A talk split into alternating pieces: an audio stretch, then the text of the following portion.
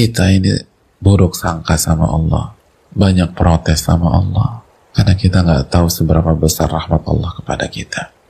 Dan kita lupa, atau mungkin kita emang belum tahu bahwa kasih sayang itu senantiasa berdampingan dan berbalut dengan ilmu.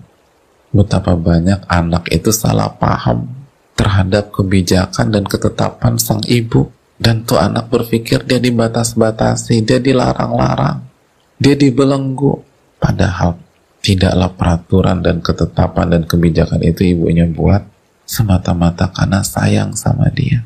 Dan sayangnya sang ibu kepada dia itu dibalut dengan ilmu. Tapi si anak ilmunya belum nyampe. Makanya dia marah. Dan dia katakan, mama jahat, mama jahat, mama jahat. Mama udah gak sayang lagi sama aku.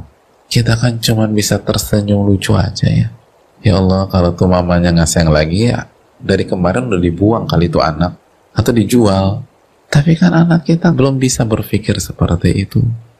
Maka ketika kita sebagai insan protes sama Allah kesel sama Allah yaitu madhabnya anak kecil udah. Yang nggak ngerti bahwa robnya itu sayang sama dia dan sayangnya itu dibalut dengan ilmu.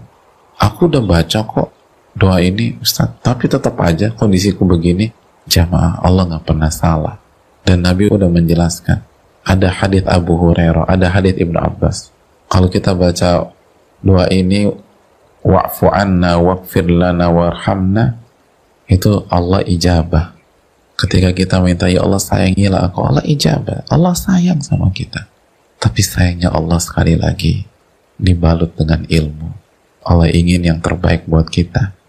Dan sering kali jalan yang terbaik itu memang gak mudah. Seringkali pilihan Allah yang lahir dari kasih sayang dan ilmu tersebut gak kita sukai, gak kita inginkan karena kekurangan ilmu kita. Seperti anak kecil tadi.